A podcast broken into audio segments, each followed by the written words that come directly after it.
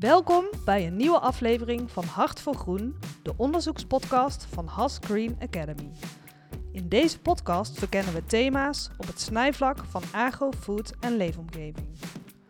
We delen onze expertise en persoonlijke ervaringen over praktijkonderzoek. Onze gasten hebben allemaal een hart voor groen en dragen op hun eigen manier bij aan praktische oplossingen die onze wereld gezonder maken. Ik ben Florieke Koers. Leuk dat je luistert. Deze aflevering hoort bij een vierluik over het thema gezond voedselkeuzegedrag. In de vorige aflevering kwam de voedselomgeving aan bod en deze keer hebben we het over de keuzevrijheid van de consument. Hoe vrij is de consument eigenlijk als het gaat om de keuzes die hij maakt? Kun je nog kiezen voor gezond voedsel als 80% van het voedselaanbod ongezond is? In deze aflevering zijn Antien Zuidberg en Willemijn Vermeer te gast. Antien is lector Design Methode in Food bij Hasgreen Academy en Willemijn Vermeer is docentonderzoeker bij de Hogeschool van Amsterdam. Antien en Willemijn, van harte welkom aan de podcasttafel. Leuk dat jullie er zijn. Deze podcast heet Hart voor Groen. Waar gaat jullie hart eigenlijk sneller van kloppen? Willemijn, ik geef jou als eerste het woord. Um, nou, mijn hart gaat sneller kloppen van uh, als je duurzaam en gezond uh, kan combineren. En dan niet alleen maar duurzaam en gezond, maar ook het liefst lekker eten. Uh, en ik denk dat dat vooral kan als we het belangrijker maken met elkaar. Dus als we er meer tijd en meer moeite en soms voor sommige dingen ook meer geld, of in ieder geval dat wat het waard is, dat we dat ervoor over kunnen hebben. En Antien? Ja, vandaag hebben we de afstudeergroepen opgestart op de HAS. En daar gaat mijn hart nou een beetje sneller van kloppen, want het gaat erom natuurlijk dat we de theorie goed weten, maar hoe werkt het nou in de praktijk? Nou, studenten zijn als geen ander in staat om die praktijk ook echt te laten leven. En samen met die studenten en de praktijk dan de theorie in de praktijk brengen. Nou, dat, daar gaat mijn hart razendsnel van knoppen.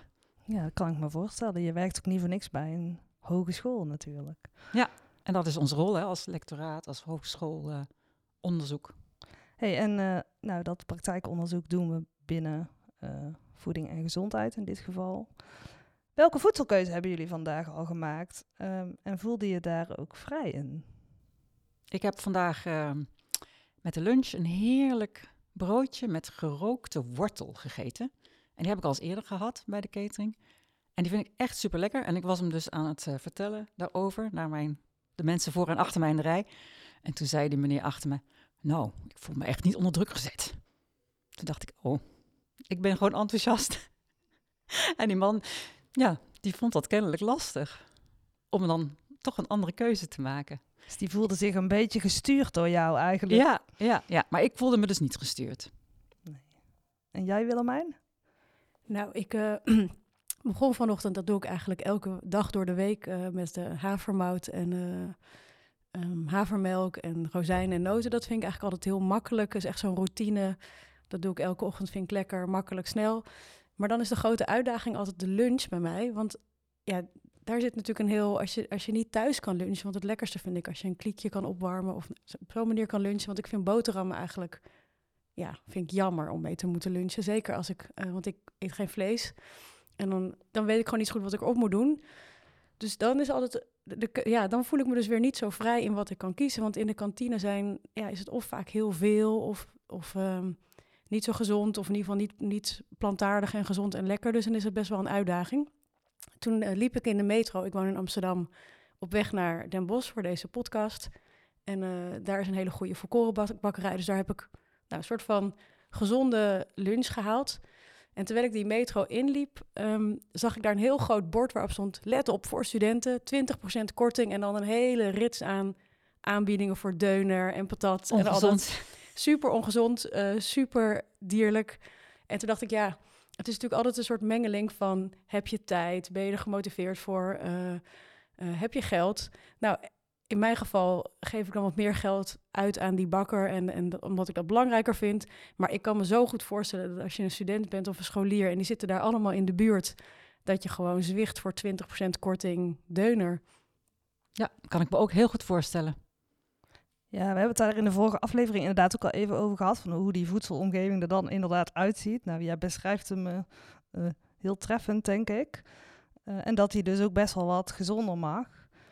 Ja, want de consument die maakt daar dan eigenlijk veel voedselkeuzes. Hè? En ja, hoe vrij is die daarin dan eigenlijk, Willemijn? Ja, dat hangt van allerlei eh, factoren af. Maar wat misschien een mooi raamwerk is om hier te noemen, is het COM-B-model. Dat wordt heel veel in onderzoek gebruikt. En dat COM-B-model, die B, die staat voor behavior, voor gedrag. En die komt, daar kom ik dan, ga ik zo uitleggen, maar die moeten eigenlijk dat gedrag verklaren. En het COM-B-model wordt gebruikt voor het verklaren van allerlei soorten gedrag, maar dus ook voedselkeuzegedrag. Heb je de C, dat is de, de eerste letter van de, de COM-B. De C die gaat voor capaciteit. Dus ben je in staat om uh, die gezonde voedselkeuzes te maken? Heb je de kennis en de vaardigheden? Nou, als ik dan weer denk aan mijn eigen lunch van vandaag, nou, dan heb ik denk ik wel redelijk de kennis wat gezond is om te eten. En de vaardigheden misschien ook wel, maar ook weer niet. Want ik, als ik nou echt goed had, mijn planningsvaardigheden goed op orde had, dan had ik misschien gisteren al een hele lunch. Had ik het al helemaal klaargemaakt. Dus je moet de capaciteit hebben om dat allemaal te doen. Nou, en dan heb je de O van opportunity, van gelegenheid. En dat gaat dus eigenlijk over die voedselomgeving. Dus zowel de fysieke omgeving, dus nou, dat aanbiedingenbord wat ik net vertelde, van wat vind je nou als je, nou bijvoorbeeld ook als je een trein pakt, dan kom je op heel veel plekken op het station, kom je allerlei plekken tegen waar je eten kan kopen. Maar dat aanbod is natuurlijk vaak ongezond. Dus dat is die, ja, de, de, de fysieke inrichting van de eetomgeving. Maar ook de sociale omgeving, die hoort erbij. Dus als ik bijvoorbeeld met collega's lunch bestel en zei... nou, en ik heb een collega's Antien...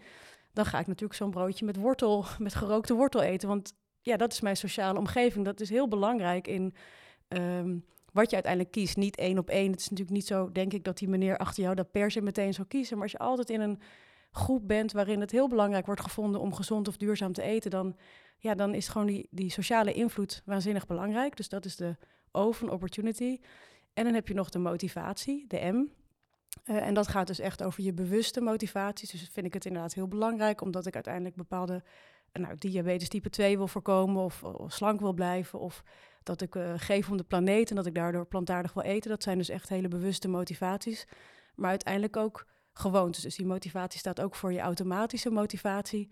En dat, daar verstaan we dan meer gewoontes onder. Uh, en juist bij voedselkeuzegedrag is dat super belangrijk, want mensen maken gemiddeld uh, 200 voedselkeuzes op een dag. Als je bij al die keuzes heel bewust moet gaan nadenken, uh, ja, hoe belangrijk je het vindt, dan dat lukt alleen maar door ben je dat aan het eind van de week, eind van de Ja. dag ben je doodop en dan heb je geen ja. energie meer om iets anders te doen. Ja, wat zeg je dat mooi. Hey, en wat doen mensen in de praktijk daarmee? Bedrijven bijvoorbeeld? Ik denk sowieso, eh, als het gaat om het aanbod van eh, niet zo duurzaam of gezond eten, heel erg inspelen op dat het juist heel normaal is om vlees te eten. Of heel lekker, of heel erg hoort bij jezelf verwennen, of bij mannelijkheid. Of, eh, Dus heel erg op die motivatie zitten ze dan, denk ik. En lekker en beloon, beloning, lekker is een beloning eigenlijk. Hè? Lage prijs is ook een beloning. Maar heeft ook weer links naar die opportunity, de gelegenheid. Ja. Dus er zijn, eh, als je elke keer kijkt naar wat je kunt doen op die drie aspecten, dan kun je op alle drie de aspecten kun je interventies plegen, zoals we dat wel eens noemen. Hè. Dus dan veranderen we de situatie of de context of producten zodanig dat het anders is dan normaal. En kijken we als onderzoekers of dat effect heeft op het gedrag. En je, hoor, je ziet wel vaker dat eh, bijvoorbeeld, eh, we hebben samengewerkt met Appel en die vinden het dan heel belangrijk om de communicatie aan te passen. En dat is dus een stukje kennis die je dan meegeeft. En die kennis die zit weer in capability, de C. Maar nou weet je dus, als je op, alleen op C iets gaat doen, dan heb je niks veranderd aan de O en ook niks veranderd aan de M. En als je niet aan alle drie tegelijkertijd volgens mij sleutelt of iets doet, dan gaat het gedrag dus ook niet veranderen. Dus je moet eigenlijk nog beter beseffen wat al die aspecten zijn van dat gedrag, om ook de interventies ook op alle punten in te zetten. Dus zowel op die capability als die opportunity als de motivation, zodat je dan ook een positief gedragsverschil hebt. En dan nog, dan is het misschien maar alleen maar op dat moment, want je hebt nog niet herhaalgedrag. Dit is nog iets wat je misschien als aanbieder van voedsel in een vorm van nudges doet. Maar dat wil niet zeggen dat iemand zijn gedrag blijvend heeft aangepast. Nee, want we hebben het dan eigenlijk over de- die vrijheid. Maar als je interventies pleegt, dan stuur je eigenlijk ook. Dan stuur je. Ja. En dan is het inderdaad een hele goede vraag of dat wel kan of mag. Want eh, ja, we weten allemaal dat nudges eigenlijk. Ja, de- het- misschien kun jij beter uitleggen dan ik wat nudges precies zijn. Want jij bent een Ja, Nou ja, nutjes houden eigenlijk in dat je mensen een duwtje in de goede richting geeft. Ehm, door bijvoorbeeld de standaardkeuze te veranderen. Dus waar die nu vaak ongezond is, zou je die dan de gezonde uh, keuze, de standaardkeuze kunnen maken. Ehm, waardoor je er echt bewust, nou even denken wat een goed voorbeeld is. Stel dat je je cappuccino standaard met havermelk krijgt, uh, als het gaat dan over plantaardig. Uh, en dat je het echt apart moet zeggen als je hem met koemelk zou willen. Dan heb je de standaard veranderd en dat is dan een klein duwtje in de rug. Maar het is nog steeds mogelijk om alles te kiezen wat je zelf wil. Alleen het is net iets moeilijker. Ja, het is iets moeilijker. een klein stapje meer om te vragen om koemelk dan om havermelk, want die krijg je standaard. En zo kun je dus ook spelen met uh, snoep bijvoorbeeld. Dat je die achter de counter zet, dat, dat het niet in het zicht is, dat mensen er echt om moeten vragen. Dat zijn nudges. Um, die hebben ook wel een risico, die nutjes. Ja. Omdat je uiteindelijk niet echt... Uh, dus het kan op korte termijn wat tot gedragsverandering leiden... maar het is niet echt doorleefd bij mensen. Dus zodra je die nudge weer weghaalt... is de kans groot dat mensen ook weer terugvallen in dat oude gedrag. En het denk wat jij zegt, ben ik helemaal met je eens als je wil dat interventies echt uh, succesvol zijn, dan zul je op, op al die niveaus iets moeten veranderen. Dus je moet het en veel aantrekkelijker maken, die gezonde of plantaardige keuze. Uh, je moet ook aan mensen kunnen uitleggen waarom dat dan belangrijk is. Dus dat ze ook echt daar wel gemotiveerd voor zijn. Dus je zal op al die ja, borden moeten schaken om, om op lange termijn gedragsverandering ook vol te kunnen houden. En nu is het vaak zo, want mensen noemen het dan heel vaak betuttelend, dit soort interventies. Hè. Dat woord dat is al heel snel of beperking van de keuze. Alleen, nou, daar hebben wij het ook wel vaker over gehad. Dat is natuurlijk altijd al zo dat de keuze wordt bepaald door de omgeving waar je bent. Dus dat was 20 het was jaar geleden. Al zo, ja. Je bent altijd uh, afhankelijk van het aanbod in een winkel. Alleen het is belangrijk dat je dat gewoon ook gezonder gaat maken. En dat mensen ook makkelijker gaat maken dat ze die gezonde keuze maken. Ja, want dat aanbiedingenbord met die deuner en zo, dat is natuurlijk ook gestuurd. Ja, dat is ook gestuurd, dat is ook marketing. Ja, ja. net zo goed. Net zo goed, ja, precies. Dus ik denk altijd van, nou, het, het, is ethisch verantwoord om het te doen, mits je mensen de vrije keuze laat om anders te kiezen. Ja, we hebben het net over gehad over dat marketing voor allerlei uh, gezonde en, of ongezonde en onduurzame producten al bestaat. Hè? Dus dat we al heel erg gestuurd worden. Dus ik vind eigenlijk die ethische discussie vind ik wel relevant, maar dan moeten we altijd kijken van ja, wat gebeurt er al? En als wij, net, als wij netjes zijn, als wij transparant zijn in uh, de keuzes en als we de keuzes ook uh, altijd een opt-out hebben, dus dat betekent dat er altijd een, een, eigen vrije keuze mogelijk is, uh, dan vind ik hem eigenlijk wel terecht om weerstand te bieden aan al die ongezonde en onduurzame keuzes die er ook al zijn. Dus zo zit ik er vaak in. Want jij zei net ook over dat je die interventies dan eigenlijk moet herhalen. Want dat als je die dus weghaalt, dat eigenlijk het gedrag ook weer stopt. Ja, daar kan ik wel een, mooi voorbeeld van laten uh, vertellen. We hebben een aantal projecten gedaan met onze bedrijfsketeraar, Appel. En we zijn eerst begonnen met de klassieke theorie van, en we hebben allerlei nutjes toegepast. Dus we hebben een heel ontwerp gemaakt van die hele counter. We hebben gezorgd dat er meer ruimte was voor het aanbod gezond. En dat ging over fruit, het ging over salades, het ging over water drinken en het ging over uh, de, de broodjes. En er zaten ook gezonde broodjes bij. En de gezonde broodjes die stonden in het spotlight. Nou, en daar hebben we twee keer een week interventie gedaan en hebben we gemeten. En toen bleek eigenlijk dat het best wel goed werkte. We hadden een enorme toename in groente- en fruit uh, aankoop. We hadden een flinke toename in salade aankoop. Het water werd goed opgedronken. Nou, van de broodjes helaas is niet goed gemeten. Er bleek een knopje te missen op de kassa. Nou ja, we weten wel dat het redelijk goed ging. Maar toen waren we klaar met onderzoek. En uh, toen hebben we een paar weken later gezien dat er een aantal nutjes weer verdwenen waren. Dus dat er eigenlijk een aantal dingetjes weer verdwenen waren. Ja, dat vonden ze eigenlijk toch niet zo handig. En ze moesten veel lopen, de medewerkers. Dus toen hebben ze toch bedacht, nou, dat is toch niet zo handig. Nou, die nutjes waren dus verdwenen. Ja, dan is de vraag of je nog het gedrag krijgt wat je had tijdens de interventie.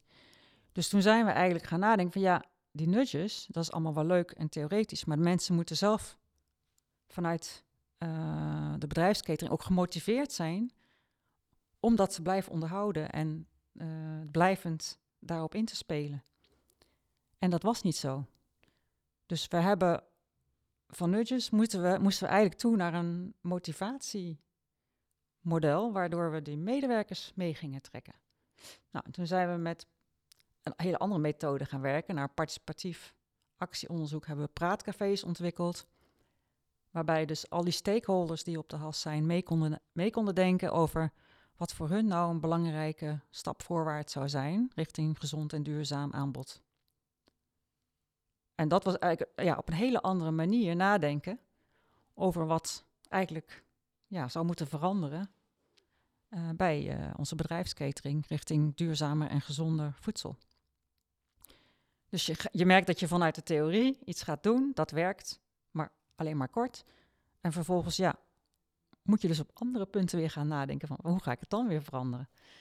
En wat dus kwam daar dan uit aan tien? Waren die, want al die mensen gingen dus met elkaar aan tafel in het praatcafé. En ja. toen ben ik echt heel benieuwd. Nou, we zijn begonnen met een stakeholderonderzoek. We hebben dus gekeken naar wat zijn nou die pains en gains van al die stakeholders. Er waren zes stakeholders op de has. En die blijken dus allemaal andere belangen te hebben op gezond, duurzaam, gemak en prijs. Dus dat waren de vier belangrijkste waarden die eruit kwamen. Echt tegenstrijdige belangen. Ja, en dan moet je dus gaan zoeken naar wat is nou gemeenschappelijk belang. Dus die zijn we in het tweede praatcafé gaan onderzoeken. En in het derde praatcafé zijn we gaan onderzoeken van oké, vanuit die brede stakeholdergroep, wat kunnen we dan aan projecten, wat zijn dan ideeën die vanuit die groep komen? En waar vonden jullie dat gemeenschappelijke belang? Dat ging in ieder geval over uh, kleinere porties. Uh, kleinere porties voor een kleinere beurs of andere porties voor een kleinere beurs. Dus dat was één punt. Uh, communicatie, dat je dus uh, appel weinig communiceert of wat ze al gezond en duurzaam doen. Terwijl ze dat blijkbaar al doen, maar dat komt niet over. Dus daar hebben ze ook op ingespeeld. Um, toch ook kijkend naar uh, nieuwe projecten. Dus bijvoorbeeld de banqueting van de HAS in Um, voor, voor vergaderingen, meetings, events, dat soort dingen. Daar gaan we nu mee aan de slag met dat project. En ook om meer inspiratie van studenten in die bedrijfskatering te laten. Want we hebben best wel veel studenten die heel creatief met voedsel zijn. Uh, en verschillende soorten studenten op de HAS. Nou, kunnen die hun inspiratie niet ook mee laten wegen in het aanbod van de bedrijfskatering? Daar gaan we nu ook mee aan de slag. Ja, het gaat duidelijk in kleine stapjes. En, Hele kleine stapjes. Experimenteren ook, En veel experimenteren. Maar telkens dus op een ander aspect van die combi. Ja. ja, ik wou net zeggen, inderdaad, want die, die verschillende letters komen daar steeds in terug. Wegen die eigenlijk allemaal even zwaar dan? Ja, dat, ik denk dat je het moet zien als, als een soort corresponderende vaten. Dus op het moment dat je heel gemotiveerd bent of heel veel kennis en vaardigheden hebt, dan, is het, dan ben je weer iets minder gevoelig voor die omgeving. Dus uh, stel, ik, uh, ik, ik, nou, ik ben behoorlijk gemotiveerd, maar mijn kennis en vaardigheden schoten dus tekort met de lunch. Ik had te weinig lunch en ben ik veel meer afhankelijk van de gelegenheid om gezonde voedselkeuzes te maken. Dus dat, dat, correspondeert met, ja, dat correspondeert met elkaar. En wat je vaak ziet is dat veel interventies die alleen maar gericht zijn op voorlichting of op het vergroten van vaardigheden, dat die vaak worden opgepikt door mensen die al uh, behoorlijk gemotiveerd zijn of, of daar kennis over hebben. Nou, dus ook vaak de theoretisch opgeleide mensen. Waardoor eigenlijk een onbedoeld effect van, uh, uh, of ja, bijeffect van hele goed bedoelde uh, gezondheidsvoorlichtingscampagnes kunnen zijn dat je de verschillen tussen mensen op het gebied van gezondheid alleen maar groter maakt. Dus juist de mensen um, nou ja, uit, uit armere buurten of met een praktisch praktische opleiding, die profiteren daar helemaal niet van. die hebben soms alleen maar weerstand tegen dit soort campagnes. En de mensen die al heel erg ermee bezig zijn, ja, die, die halen daar hun, voor, ja, hun voordeel mee. En ook zie je dus dat het effect van de omgeving ook een heel grote invloed kan hebben. Ik heb uh, in mijn jeugd in Afrika gewoond en nou ja, daar was heel weinig aanbod. Dus, en je moest het gewoon doen met wat daar aan aanbod was. Want anders ga je van honger. dus als je aanbod alleen maar gezond en duurzaam is, ja, dan is dat waaruit je kiest. We hebben het nu eigenlijk over keuzebeperkingen, of het nou over ongezonde of gezonde producten gaat. Maar waarom werkt dat dan zo goed? Vanuit de Verenigde Staten weten we dat de porties steeds groter zijn geworden. Uh, dus als je nu een keuze maakt tussen een medium, large of een small, en medium staat in het midden, dan kun je dus uh, die norm opschuiven naar steeds groter door een extra large naast te zetten. Datzelfde kun je doen richting kleinere porties of richting gezond. En dat doe je dan dus eigenlijk door keuzes te maken. Als je maar drie keuzes hebt en je wilt eigenlijk dat mensen het middelste kopen, dan moet je dus een keuze links en een keuze rechts van geven. En dat werkt, want dan gaan de mensen altijd voor de middelste keuze. Dus dat is een bekend fenomeen. Als je dus zegt van nou, ik ga de broodjes die gezond zijn, die zet ik in de spotlight, zet ik in het midden. En ik doe er een iets gezondere en een iets ongezondere. Dan weet je dat de iets gezondere niet verkoopt. En iets ongezondere misschien ook niet, maar de middelste juist wel. Ja, ja, dus het is echt slim nadenken over, nou ja, waar wil je ze eigenlijk naartoe hebben? En dan ga je daar iets omheen bouwen. Het heeft natuurlijk ook weer te maken met die, die grote hoeveelheid voedselkeuzes die je op een dag moet maken. En dat je dat dus snel wil doen. En dat je denkt, dat wat in het midden zit, dat zal Dat wel altijd goed. dat zal de norm zijn. Maar wat, ik, wat ook altijd wel weer, vind ik, het gevaar is van die, van die nutjes of dit soort maatregelen. Nou, we hadden het net al over dat het dus... eh, dat mensen vrij snel terug kunnen vallen als je dat aanbod weer verandert. Maar het, het kan ook, eh, want wij zijn ook binnen de Hogeschool van Amsterdam, waar ik werk, ook bezig met eh, onderzoek in onze, bij de catering. En het lectoraat waar ik werk, Psychologie voor een Duurzame Stad, heeft ook onderzoek gedaan en aanbevelingen gedaan. Hoe je nou dat aanbod, hè, hoe je mensen meer plantaardig kan laten kiezen in de kantine. Waarbij ook de aanbeveling was, doe nou al die dingen. Dus niet alleen maak het makkelijker door middel van dit soort ja, meer nutjes. Maar ook maak het belangrijker, maak het aantrekkelijk. Want op hoe meer eh, manieren je inderdaad, precies wat Antien zei, hoe, meneer, op, op, eh, hoe meer manieren je eigenlijk mensen probeert te beïnvloeden, hoe groter de kans is dat het ook echt gaat lukken. En nu kunnen cateraars ook denken, oh, ik heb dit al gedaan.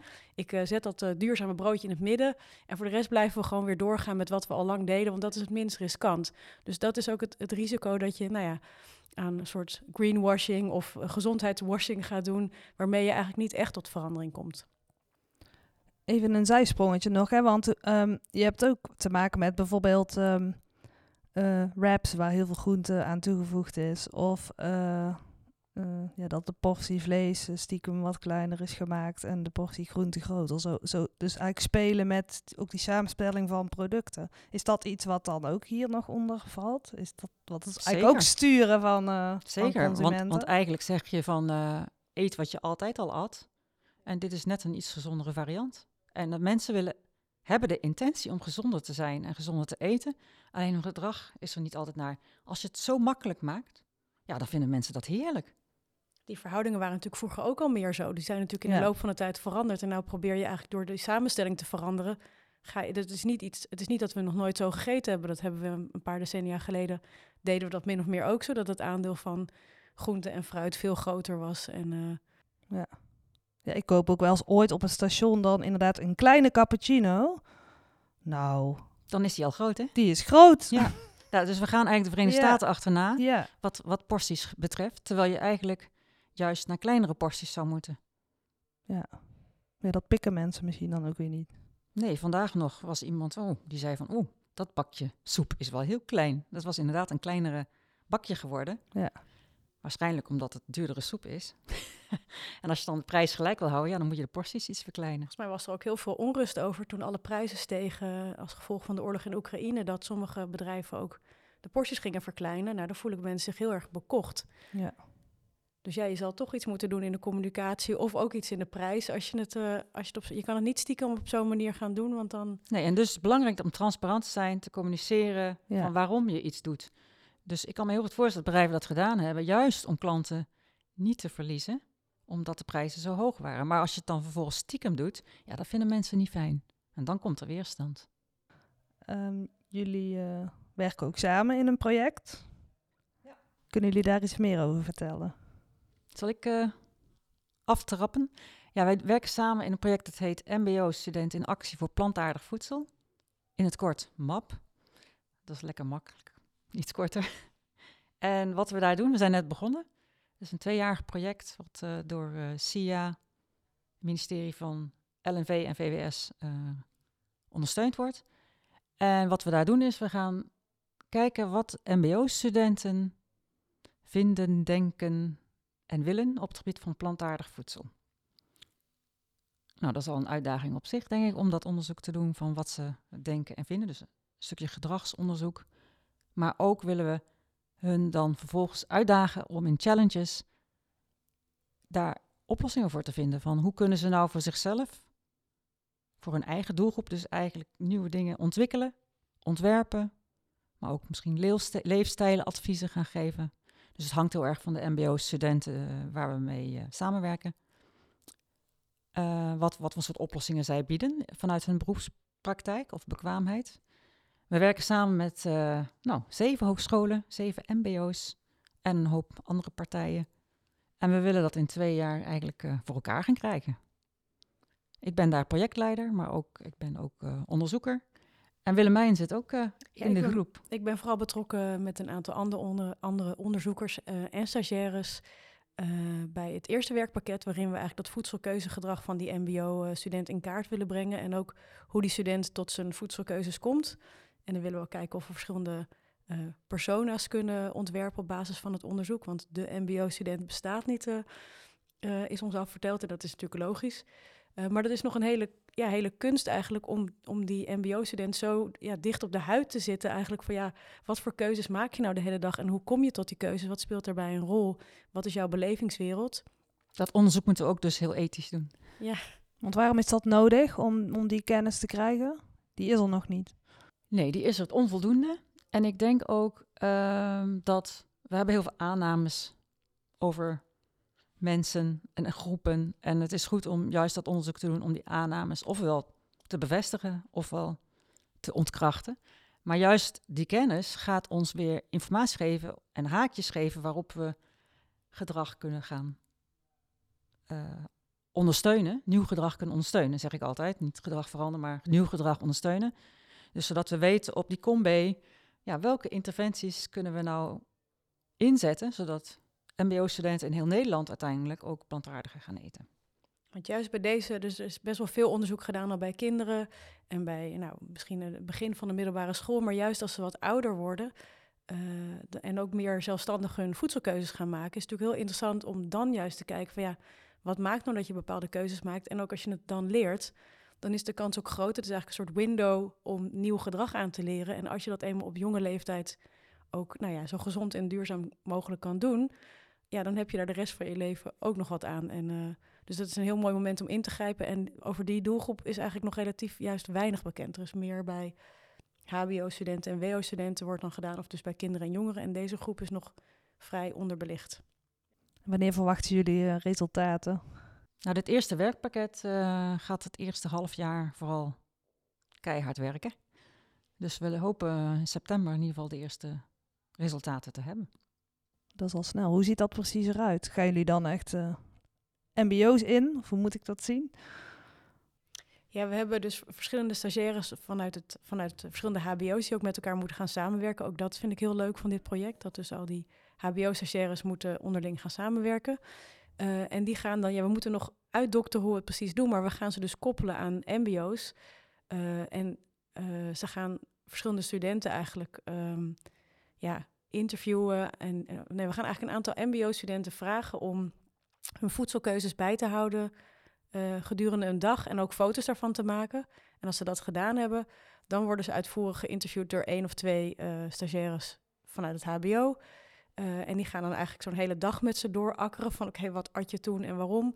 Maar ook een algemenere eh, ja, interview houden over hoe hun belevingswereld eruit ziet eh, in het algemeen, maar ook specifiek met betrekking tot voeding.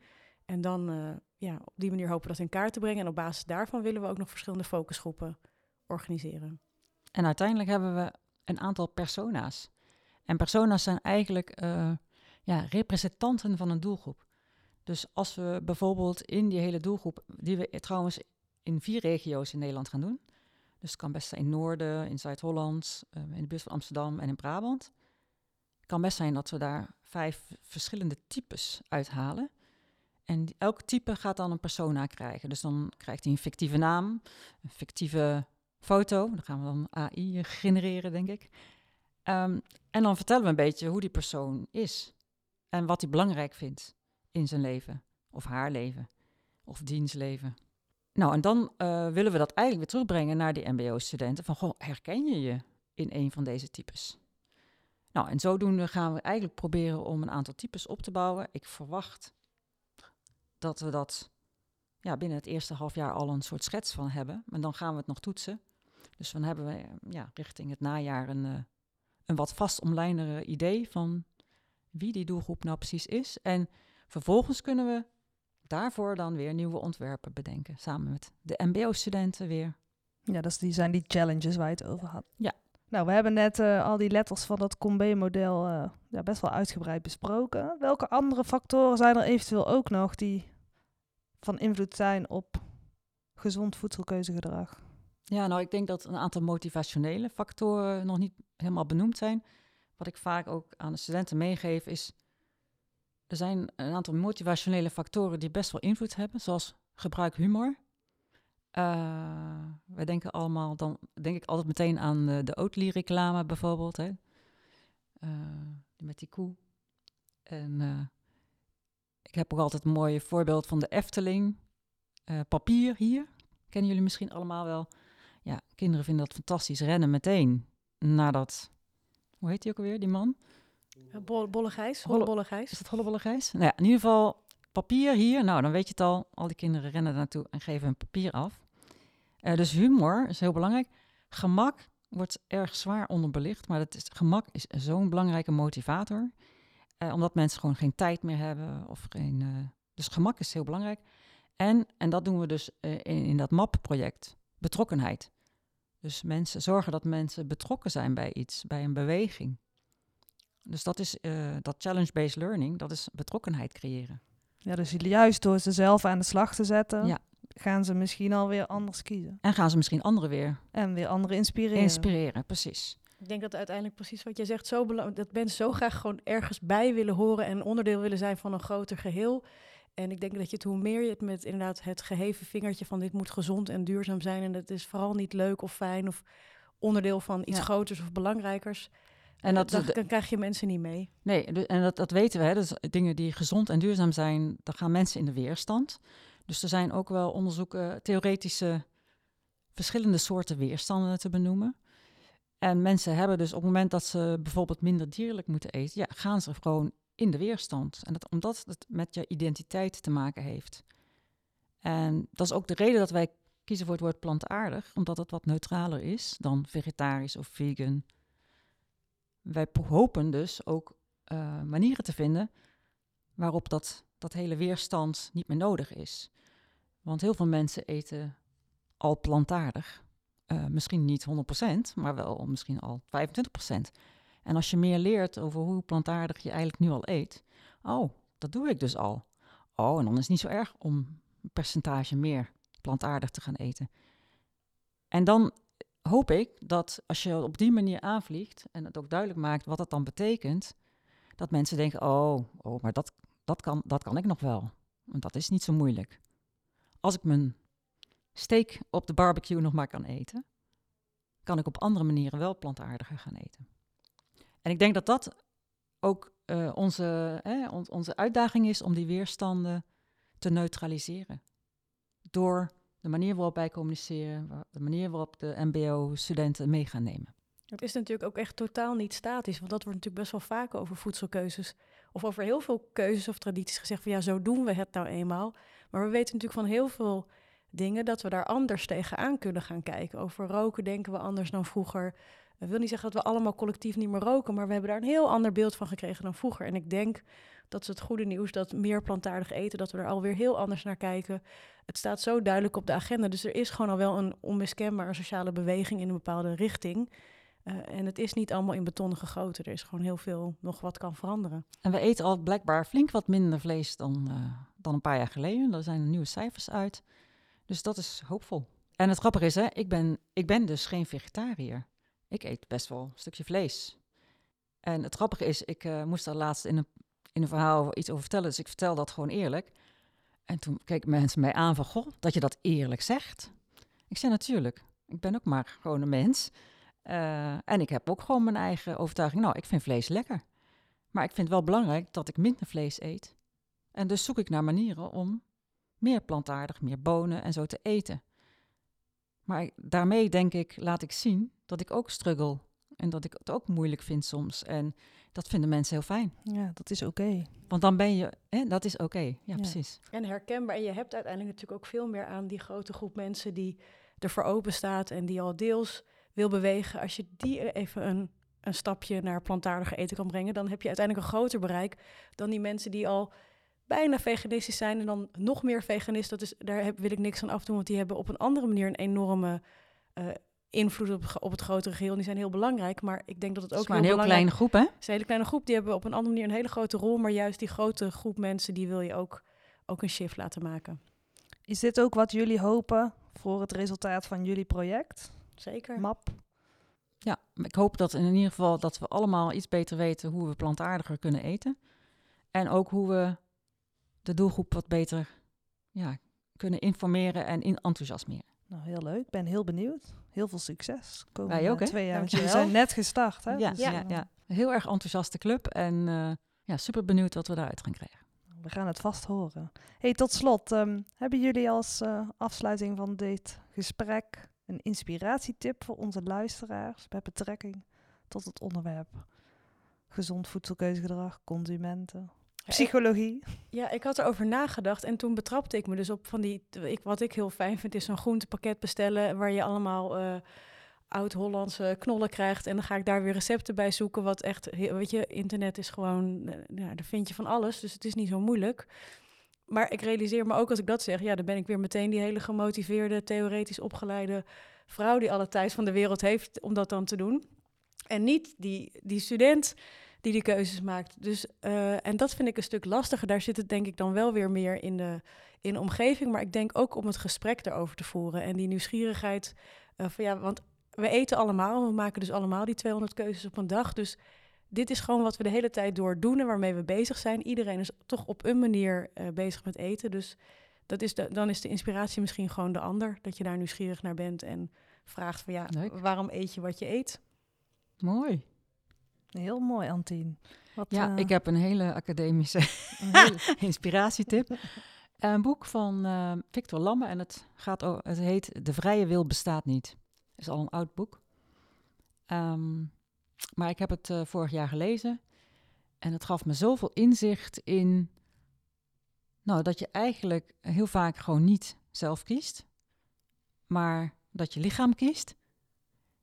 Eh, die dus geïnspireerd wordt door bijvoorbeeld nudging of marketing of hoe dingen staan in je omgeving of de omgeving zelf. En dat je eigenlijk pas daarna beredeneert waarom je het hebt gedaan. Hey Antien en Willemijn, dankjewel voor eh, dit inspirerende gesprek. Eh, in de volgende aflevering praten we met elkaar verder over het thema gezond voedselkeuzegedrag. En we gaan het specifiek hebben over het verbeteren van het voedselaanbod. Het kwam vandaag natuurlijk ook al een beetje aan bod.